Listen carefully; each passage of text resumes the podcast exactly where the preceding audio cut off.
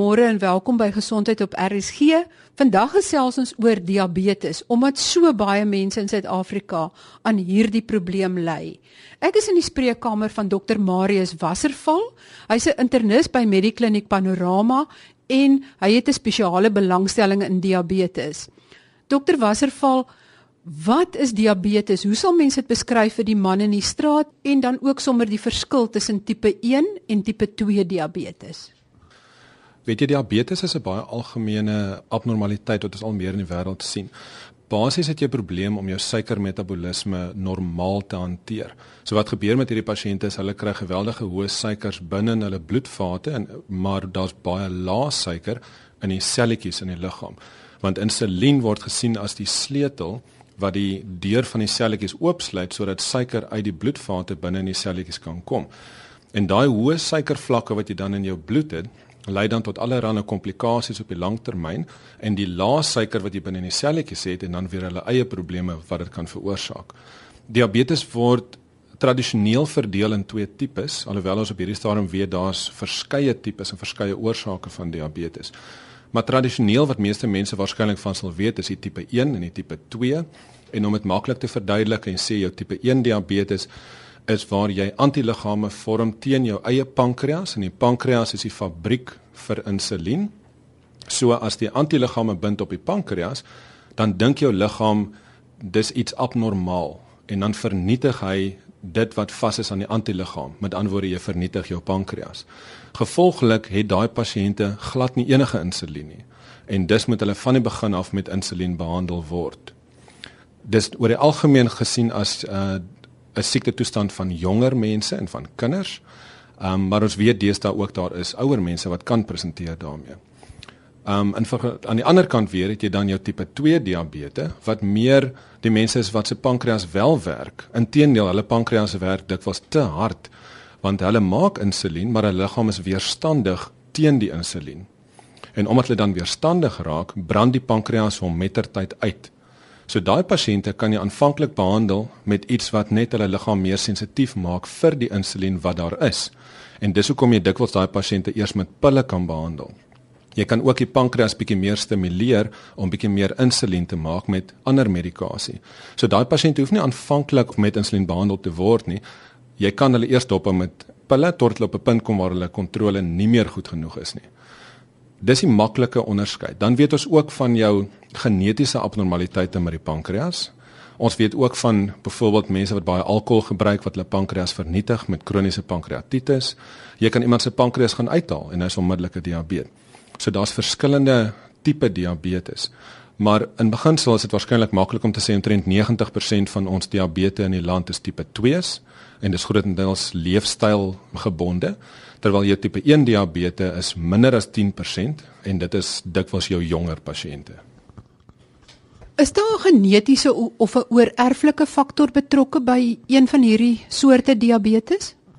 Ja, weet jy, dit is baie interessant as mense in hierdie veld beweeg dat daar is definitief genetiese komponente. En as ons net vir 'n oomblik fokus op die tipe 2 diabetes, dit is egter geweldig kompleks. Maar as jy gaan kyk hoe ons weet daar's 'n genetiese komponent. As jy byvoorbeeld 'n tweeling broer of suster het, identiese tweeling broer of suster wat diabetes het, dan jy 90% kans om 'n diabetes te wees. Hulle sê op hierdie stadium van kinders wat diabetes word, tot en met 50% van kinders wat diabetes is, het een van die twee ouers ook diabetes. As jy as 'n ouer diabetes is, dan het jy jou kinders 'n 20 tot 25% kans om 'n diabetes te word. So daar is definitief genetiese aspekte en dis 'n dis 'n veld van baie navorsing op hierdie stadium in die wêreld. Spesifiek om hulle wil probeer kyk of hulle daardie genetiese abnormaliteite kan teiken vir behandeling. Maar op hierdie stadium is daar nog nie kom ons sê baie goed bewyste genetiese behandeling vir diabetes nie. Wie het die grootste risiko om tipe 1 diabetes te kry of om tipe 2 diabetes te kry? Weet jy tipe 1 diabetes is bietjie moeiliker om te beskryf as tipe 2 diabetes. Ehm um, weer eens omdat daar is genetiese aspekte, maar dit is nie noodwendig dat jy 'n ouer moet hê wat diabetes gehad het nie. Tipe 2 diabetes is in die wêreld geweldig gedryf deur leefstyl. As jy kyk in Suid-Afrika sit ons omtrent met 6 gemiddeld 6% diabetes van die blanke populasie omtrent 4% die ehm um, kleerling populasie 6 tot 8%, die swart populasie so 8% en dan in die Indiër populasie 11 tot 13% insidensie. In Amerika het hulle gemiddeld van 8 tot 10% diabetes. En daar is 'n direkte verwantskap aan leefstyl en daarbey bedoel ek spesifiek gewig. So jou pasiënte wat baie oorgewig is, het 'n baie hoër risiko. Ons weet bloeddruk, suiker en cholesterol hardloop baie keer saam. So pasiënte wat bekend is met hoë bloeddruk, pasiënte bekend met hoë cholesterol, pasiënte wat baie oorgewig is, pasiënte wat rook, dis almal mense wat verhoogde risiko het om tipe 2 diabetes te ontwikkel. Ek het eers gelees dat skielike trauma of skok kan dalk tipe 1 diabetes aan die gang sit. Is dit korrek? Weet jy weer eens baie kontroversieel want ek dink dis onwaarskynlik dat jy teen die agtergrond van 'n totaal normale glikose metabolisme en fisiologie met 'n een eenmalige insident skielike diabetes gaan word.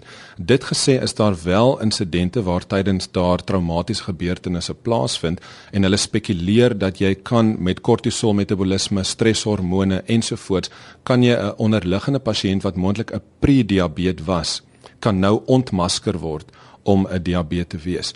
Maar die navorsing daaroor ook is op hierdie stadium ook nog onduidelik dis moeilik om te sê hierdie tipe pasiënt as jy hom gaan blootstel aan trauma gaan hy 'n tipe 1 diabetes word of 'n tipe 2 diabetes word. Ons het net agtergekom dat daar is wel 'n verwantskap met traumatiese gebeurtenisse, maar dis moeilik om dit reg in die kliniese konteks te um hanteer. Goed, dan kom ons by die simptome. Hoe gaan iemand weet dat hy moontlik op pad is om 'n diabetes te word? Weet ek dink die grootste probleem daarmee is dat meeste van jou diabetes by diagnose was eintlik maar asymptomaties. Hulle sê 60 tot 70% van mense het geen simptome nie. Jou tipe 1 diabetes presenteer dikwels in 'n koma. Dis is dit baie maklik om hulle te diagnoseer, veral as kinders skielik presenteer met diabetes. Terwyl jou tipe 2 diabetes neem dit ongeveer 10 jaar waar tydens jou glikose metabolisme abnormaal is voordat jou suikers regtig die reikwyte van geklassifiseerde diabetes bereik. In daai tydperk hoef jy geen simptome te hê nie, maar die moontlike komplikasies kan reeds begin.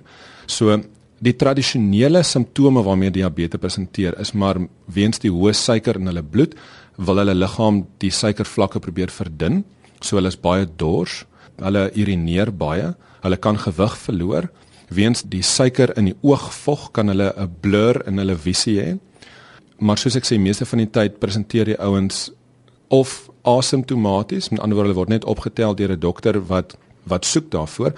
En ons het pasiënte wat wat presenteer met 'n hartaanval. En mense wat kom met komplikasies, oogprobleme, nierprobleme, hartprobleme en dan dink die dokter daaraan, wag, maar dit kan inpas met diabetes en hy prik sy vinger en hy sien die pasiënt se suiker is baie hoog. So ons het dikwels pasiënte wat inkom en terwyl hulle toegelaat is met hulle hartaanval en moontlike hartomleiding kry, sê ons vir hom, weet jy, jy is 'n diabetes en dit is die oorsaak van jou hartprobleem en dan kan hulle nie verstaan hoe dit kan wees nie, maar die rede is juis omdat jy vir die afgelope 10 jaar al abnormale metabolisme gehad het. Maar om die vraag spesifiek te antwoord, jy kan totaal asymptomaties wees. Jy kan presenteer met baie dors, baie water drink, baie urineer, 'n blur in jou visie, gewigsverlies of jy kan presenteer met die komplikasies van diabetes, van oogprobleme, hartprobleme of nierprobleme en selfs party mense met voetprobleme en 'n brand op hulle voete kan ook 'n aanvanklike beeld wees waarmee hulle inkom en dan gediagnoseer word. Met ander woorde, voordat jy werklik waar jou glikose vlakke hoog genoeg is, dat jy gediagnoseer word as 'n diabetes, kan jy eintlik al die komplikasies van diabetes hê. Dit is nogal skokkend. Weet jy dit is en ek dink dis die groot probleem met diabetes in die wêreld is dat ons diagnoseer dit te laat. En dikwels dink ons nie genoeg daaraan nie. Ons toets onsself of ons dokter of ons suster toets nie ons suikers nie en dan presenteer jy met die probleme om vir jou idee te gee, dit vat ongeveer 10 tot 15 jaar vir komplikasies om te ontwikkel. So as jy 10 jaar gaan vat om deur die spektrum van abnormale suikervlakke te gaan, jou suiker is te laag om regtig die diagnostiese kriteria te bereik vir diabetes, maar is hoër as normaal. In daardie tyd kan jy reeds die groot bloedvat abnormaliteite van diabetes begin ontwikkel waarvan hartaanvalle en beroertes van die bekendstes is. En dit is hoekom jy mense dan daarmee kan presenteer. So dis ontsettend belangrik om 'n hoë indeks van suspisie te hê as jy dink aan dat ons ons syfers is gemiddeld 6% diabetes in Suid-Afrika, dan kan jy dink hoeveel mense rondom jou jy ken, hoeveel van hulle ken jy wat diabetes is. En dis my elke keer as jy by jou dokter is as jy in die risikokategorie sou val of jy het ander leidrade wat daarop kan dui, moet jy daarop aandring dat jou suiker getoets word. Maar as jy kyk na die diagnostiese kriteria, moet die vlak waarop jy die diagnose maak, moet daai glikose vlak nie dalk nog laer wees sodat jy gouer kan diagnoseer nie. Weet jy, dis 'n baie goeie vraag, maar nou gaan jy inkom by koste implikasies. Want onthou 'n normale suikervlak is kleiner as 5.6 op 'n vastende waarde, terwyl 'n vastende waarde van meer as 7.1 word gesien as 'n diagnostiese kriteria vir kriteria vir diabetes.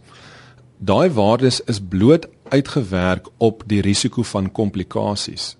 Dit is nie asof jou lewe dramaties verander as jou vastende suiker verander van 7.0 na 7.1 nie. Dis bloot 'n spektrum. En die navorsers het gesien dat wanneer jy van 7.1 af en hoër beweeg in vastende suikers of ons kan die naete suikers in die 3 maande gemiddelde rykwyte is ook bespreek, dan gaan jou risiko vir komplikasies dramaties toeneem. Dan maak dit finansiële sin op die langtermyn om daai pasiënte te behandel. Dan sal die voordele van behandeling die moontlike nadele oorskadu. Want omdat diabetes nie 'n swart en wit siekte is nie, maar 'n spektrum, moet jy altyd besluit wanneer is die voordele van terapie belangriker as die moontlike neeweffekte. Want soos ons almal weet, alle medikasie is liggaamsvreemd. Alle medikasie het moontlike neeweffekte. So jy moet baie mooi besluit wanneer dit aangedui is om 'n pasiënt te behandel.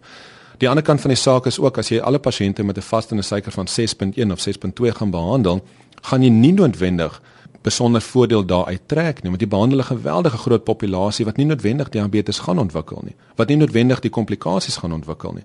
So jy behandel hulle en jy stel hulle bloot aan die neeweffekte van medikasie sonder dat jy regtig vir hulle 'n definitiewe voordeel kan waarborg op die lang termyn. So dis is maar 'n kwessie van wigte en ewewigte wat hier ingespan word. Ek gesels met dokter Marius Wasserval, internis by Medikliniek Panorama en hy het 'n spesiale belangstelling in diabetes en ons konsentreer vandag op tipe 2 diabetes. In hierdie deel gaan ons verder fokus op die komplikasies en ook die eerste stappe in die behandeling en moontlike voorkoming van tipe 2 diabetes. As jy nou sê dit neem 10 tot 15 jaar vir komplikasies vir tipe 2 diabetes om te ontwikkel, waarop daai skaal pas insulienweerstandigheid in? As jy gaan kyk na die die fisiologie en dan die abnormale fisiologie wat ons nou in mediese terminologie noem die patofisiologie van diabetes. Dan sê sien dat aanvanklik begin die pasiënte met insulienweerstandigheid lank voordat jou suikervlakke abnormaal raak. Dis een van die basiese abnormaliteite in fisiologie. Dit begin redelik aan die begin. So in daai tydperk wat jou suikerlesings nog nie abnormaal is nie, is jou liggaam weerstandig vir die insulien wat jy produseer, maar om dit te oorbrug, werk jou pankreas baie harder en maak hy baie meer insulien om daai weerstandigheid te probeer oorkom. So insulienweerstandigheid aan die een kant en dan ook 'n term wat ons noem ingekorte vastende glikose. Is twee groepe van pasiënte wat jy amper in leuke taal kan noem is prediabetes. Dis die ouens wat kom ons sê 'n hoë risiko het om diabetes te ontwikkel en dis die ouens wat jy baie spesifiek moet dophou en moet besluit of jy vroeër gaan begin behandel of gaan intree vir daardie pasiënte. Pasiënte ontwikkel met ander woorde komplikasies, maar waaraan gaan die meeste van die pasiënte wat tipe 2 diabetes het? Waaraan gaan hulle dood? Weet jy ongelukkig is dit maar grootendeels die groot bloedvat komplikasies, met ander woorde hartaanvalle en beroertes. Maar as jy kyk na die komplikasies van diabetes, is dit soveel wyeer as net die bloedvat komplikasies. Die bekende komplikasies is oogaantasting wat tot blindheid kan lei, wat katarakte kan veroorsaak ensovoorts. Die hartkomplikasies wat meeste mense weet van die hartaanvalle, maar jy kan ook hartversaking kry, jy kan abnormale ritmes kry. Jou nierversaking is 'n ander bekende komplikasie en dit kan op die einde van die saak lei tot pasiënte wat dialyse benodig en dan jou voetkomplikasies wat jy wat beide bloedvat en senuweekomplikasies insluit waar jy aan die een kant abnormale sensasie op jou voete kry dis jy kan 'n brandgevoel kry tipies onder die voete in die aand. Jy kan later totale sensasie verlies van jou voete kry. En dan sê ek baie keer vir vir pasiënte dis 'n tipe situasies waar jy loop in die pad jy het nie sensasie in jou voete nie jy trap in 'n stukkie glas jy het 'n wond op jou voet, daai wond kan infeksie kry, maar omdat jou bloedvate ook aangetast is, kry jy nie noodwendig genoeg bloed by daai wond nie. En gevolglik het jy nie al die suurstof en die voedingsstowwe wat nodig is om daai wond te genees nie. En daai wond raak dan al hoe groter met ter tyd en dan kan jy later 'n diabetiese voet ontwikkel. So dis verskeie van die bloedvat komplikasies. Maar as jy kyk na die ander komplikasies, diabetes het tipies verlaagde immuunstelsels. Hulle sukkel bietjie meer om te beklei teen infeksies. Daar's verhoogde kankerrisiko in diabetes. Daar's swangerskapskomplikasies van diabetes. So daar's verskeie ander komplikasies wat dalk minder algemeen is, maar wat 'n mens nie uit die oog moet verloor nie. Maar om die vraag spesifiek te antwoord, jou grootste komplikasies is maar die groot bloedvat komplikasies, die hartevalle en die beroertes. Die probleem egter is om jou diabetes te behandel vanaf dag en datum van diagnose. Dis baie moeilik om op daai stadium pasiënte te behandel en dan die groot bloedvat komplikasies om te keer. En baie van die studies wat in die wêreld gedoen word, sukkel om verlaagde hartaanvalle en beroertes te bewys met spesifieke medikasie.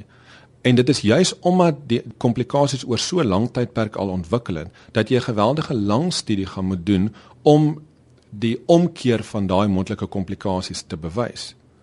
Dus as jy 'n pasiënt gaan begin behandel na 10 of 15 of 20 jaar, het hy alreeds 10 of 15 of 20 jaar se bloedvat skade. En om dit te probeer omkeer is baie moeiliker as om die pasiënt te diagnoseer met risiko na 5 jaar en dan in te tree in die pasiënt se hantering. Daai pasiënte gaan 'n baie beter uitkoms hê as wat jy wag totdat die pasiënt of gediagnoseer is of selfs laat in diagnose is en dan probeer intree om moontlike komplikasies te keer. Wat maak verhoogde bloedglikose vlakke? Wat maak dit aan jou bloedvate sodat dit éventueel kan lei tot 'n hartaanval? Weet jy die kombinasie van die risikofaktore is dalk makliker as om net te fokus op die hoë glikose. As jy gaan kyk na die hoeveelheid stres wat daar op 'n bloedvat is in iemand wat byvoorbeeld hoë bloeddruk het en die klein skeurtjies wat jy aan kry aan die buitekant van die bloedvate. Dit in die lig van hoë glikose en moontlike hoë cholesterol en kom ons sê iemand wat rook. Daai is jou beste scenario. So rook gaan oksideer cholesterol. In die lig van jou hoë glikose vlakke kry jy verhoogde uh, inflammatoriese respons. Jy kry dat die cholesterol beweeg deur die bloedvatwand en dan aan die buitekant van die bloedvat word dit kom ons sê ingeneem of kon ons opgeëet deur 'n selletjie met die naam 'n makrofaag. Hierdie selletjies vermeerder dan in 'n vorm wat ons noem um, skuimselle en dan kry jy die proses van aterosklerose waar tydens jy in die bloedvatwand 'n letsel of 'n wat ons noem 'n ateroom vorm, maar hierdie ateroom stulp nie na die buitekant toe nie. Hy stulp in na die binnekant toe. Gevolglik maak hy die lumen of die deurgang van die bloedvat maak hy kleiner. En dus sal die weefsel aan die verkant van die kom ons noem dit 'n verstopping, minder bloed kry. Nou om daai voorbeeld te gebruik aan iemand met 'n kom ons sê 'n hartaanval, as jy 'n vernoude bloedvat het, kan jy wanneer jy doodstil sit nog genoeg bloed by jou hartspier kry dat jy nie enige simptome het nie. Maar sodra jy begin om oefening te doen of begin stap, dan klop jou hart 'n bietjie vinniger en hy klop 'n bietjie sterker en hy het bietjie meer suurstof nodig. Hy het bietjie meer bloed nodig, maar jy het 'n verstopping in die bloedvat. So dan kom daar nie noodwendig genoeg bloed en suurstof by daai hartspier uit nie en jou hart se manier om vir jou te sê ek kry nie genoeg bloed of suurstof nie is deur 'n hartkramp of wat ons noem angina. Aan die ander kant weer kan jy hierdie aterosklerose of die ateroomformasie kry en hierdie hierdie ateroom wat vorm en wat instulp in die bloedvat in is 'n redelike onstabiele ding. Hy's bedek met 'n plaket en daai plaket kan onstabiel wees en kan 'n skeurtjie inkry. Nou as daai plaket 'n skeurtjie inkry, dan dink jou liggaam daar's 'n skeur in die bloedvat. Wat doen die liggaam op enige ander plek as jy 'n skeur in 'n bloedvat het? Hy gaan maak 'n stolsel wat bo op die skeur gaan sit en hy seël die skeur sodat jy nie verdere probleme kry nie.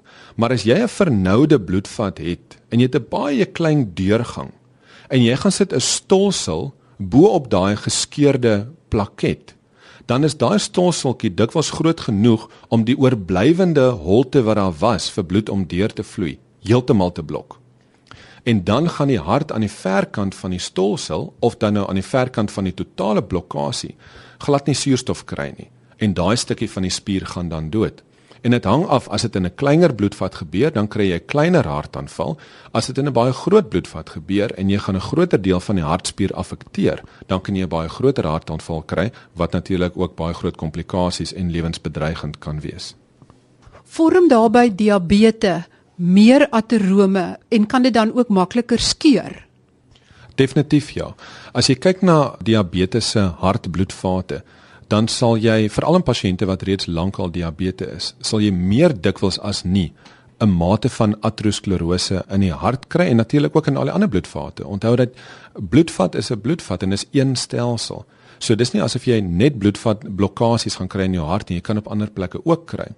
En dit is baie goed bewys dat jou diabetes 'n geweldige hoë risiko van aterosklerose en natuurlik ook van blokkades dan op ander plekke. As jy 'n blokkasie in jou bene het, dan kan jy krampe in jou bene kry. As jy blokkasie op pad na jou brein toe het, dan het jy natuurlik 'n risiko vir 'n beroerte.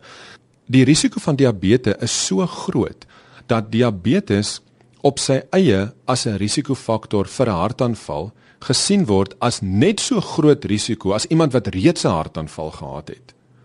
So, as jy jouself bewys het om 'n risiko te hê vir 'n hartaanval deur reeds een hartaanval te hê, is jou risiko natuurlik hoër vir 'n tweede hartaanval. Maar selfs 'n pasiënt wat nog nie 'n hartaanval gehad het nie, as hy diabetes, word sy diabetes gesien as 'n ekwivalente risikofaktor vir hartaanvalle en bloedvatskade, net so sterk soos iemand wat reeds 'n hartaanval gehad het. Dit laat nogal baie rooi ligte aangaan as daar nou 'n pasiënt inkom en die pasiënt is gediagnoseer, wat is die eerste stap? En ons kyk nou spesifiek na tipe 2 diabetes.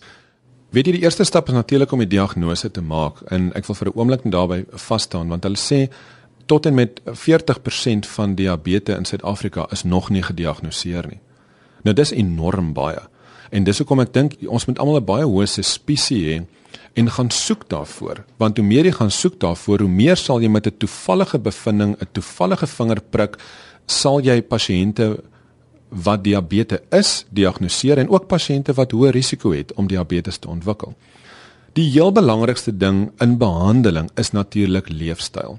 Leefstyl begin by dag 1 voordat jou glikose metabolisme begin abnormaal raak wat dan kan lei tot diagnose van diabetes kom ons sê 10 jaar later. En die belangrikste intervensie is verseker gewigsverlies. En dis 'n ding wat die afgelope dekade of 2 bewys is om die enkel grootste omkeerbare faktor te wees in die ontwikkeling van diabetes. Dit is waarskynlik een van die redes hoekom 'n land soos Amerika nog meer diabetes het as Suid-Afrika alhoewel daar sekere populasies by ons is wat geweldige hoë insidensies het van diabetes. Omdat ons as 'n populasie al meer oorgewig raak, raak die risiko vir diabetes en diabetesverwante komplikasies soveel groter. Ons sien al hoe meer kinders wat gediagnoseer word met tipe 2 diabetes omdat hulle oorgewig is.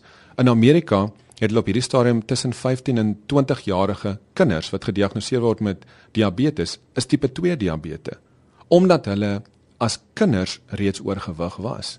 So dis ontsettend belangrik vir jou diabetes of selfs 'n prediabetes nog voordat jy kom by pille om die leefstyl aanpassings aan te spreek. Nou daarbey bedoel ons verloor gewig en daar het ons definitiewe riglyne. Ons ons werk met liggaamsmassa indekse. Ons werk ook met buikomtrek en dit is 'n baie maklike ding vir almal om self te doen. Jy kan jou buikomtrek gaan meet en vir mans moet jou buikomtrek kleiner wees as 93 cm en vir vrouens kleiner as 88 cm. En as jy dan rondom jou gaan rondkyk, dan gaan jy sien in Suid-Afrika is daar ongeveer 3 uit 4 mense tans wat oorgewig is. En dis 'n studie wat wat 'n maatskappy gedoen het 2 jaar terug wat bewys het Suid-Afrika is nou die derde vetste land in die wêreld. En ons oorgewigsyfers varieer nou van 66 tot selfs 74%. Dis is dit so belangrik om te begin by gewig en daarmee saam natuurlik 'n dieet Dit is aan die einde van ons program vir vandag. Maar luister volgende week verder na die tweede deel in hierdie kort reeks oor tipe 2 diabetes. Ons gaan verder fokus op die behandeling van tipe 2 diabetes en ook die medikasies bespreek. Tot volgende week dan. Totsiens.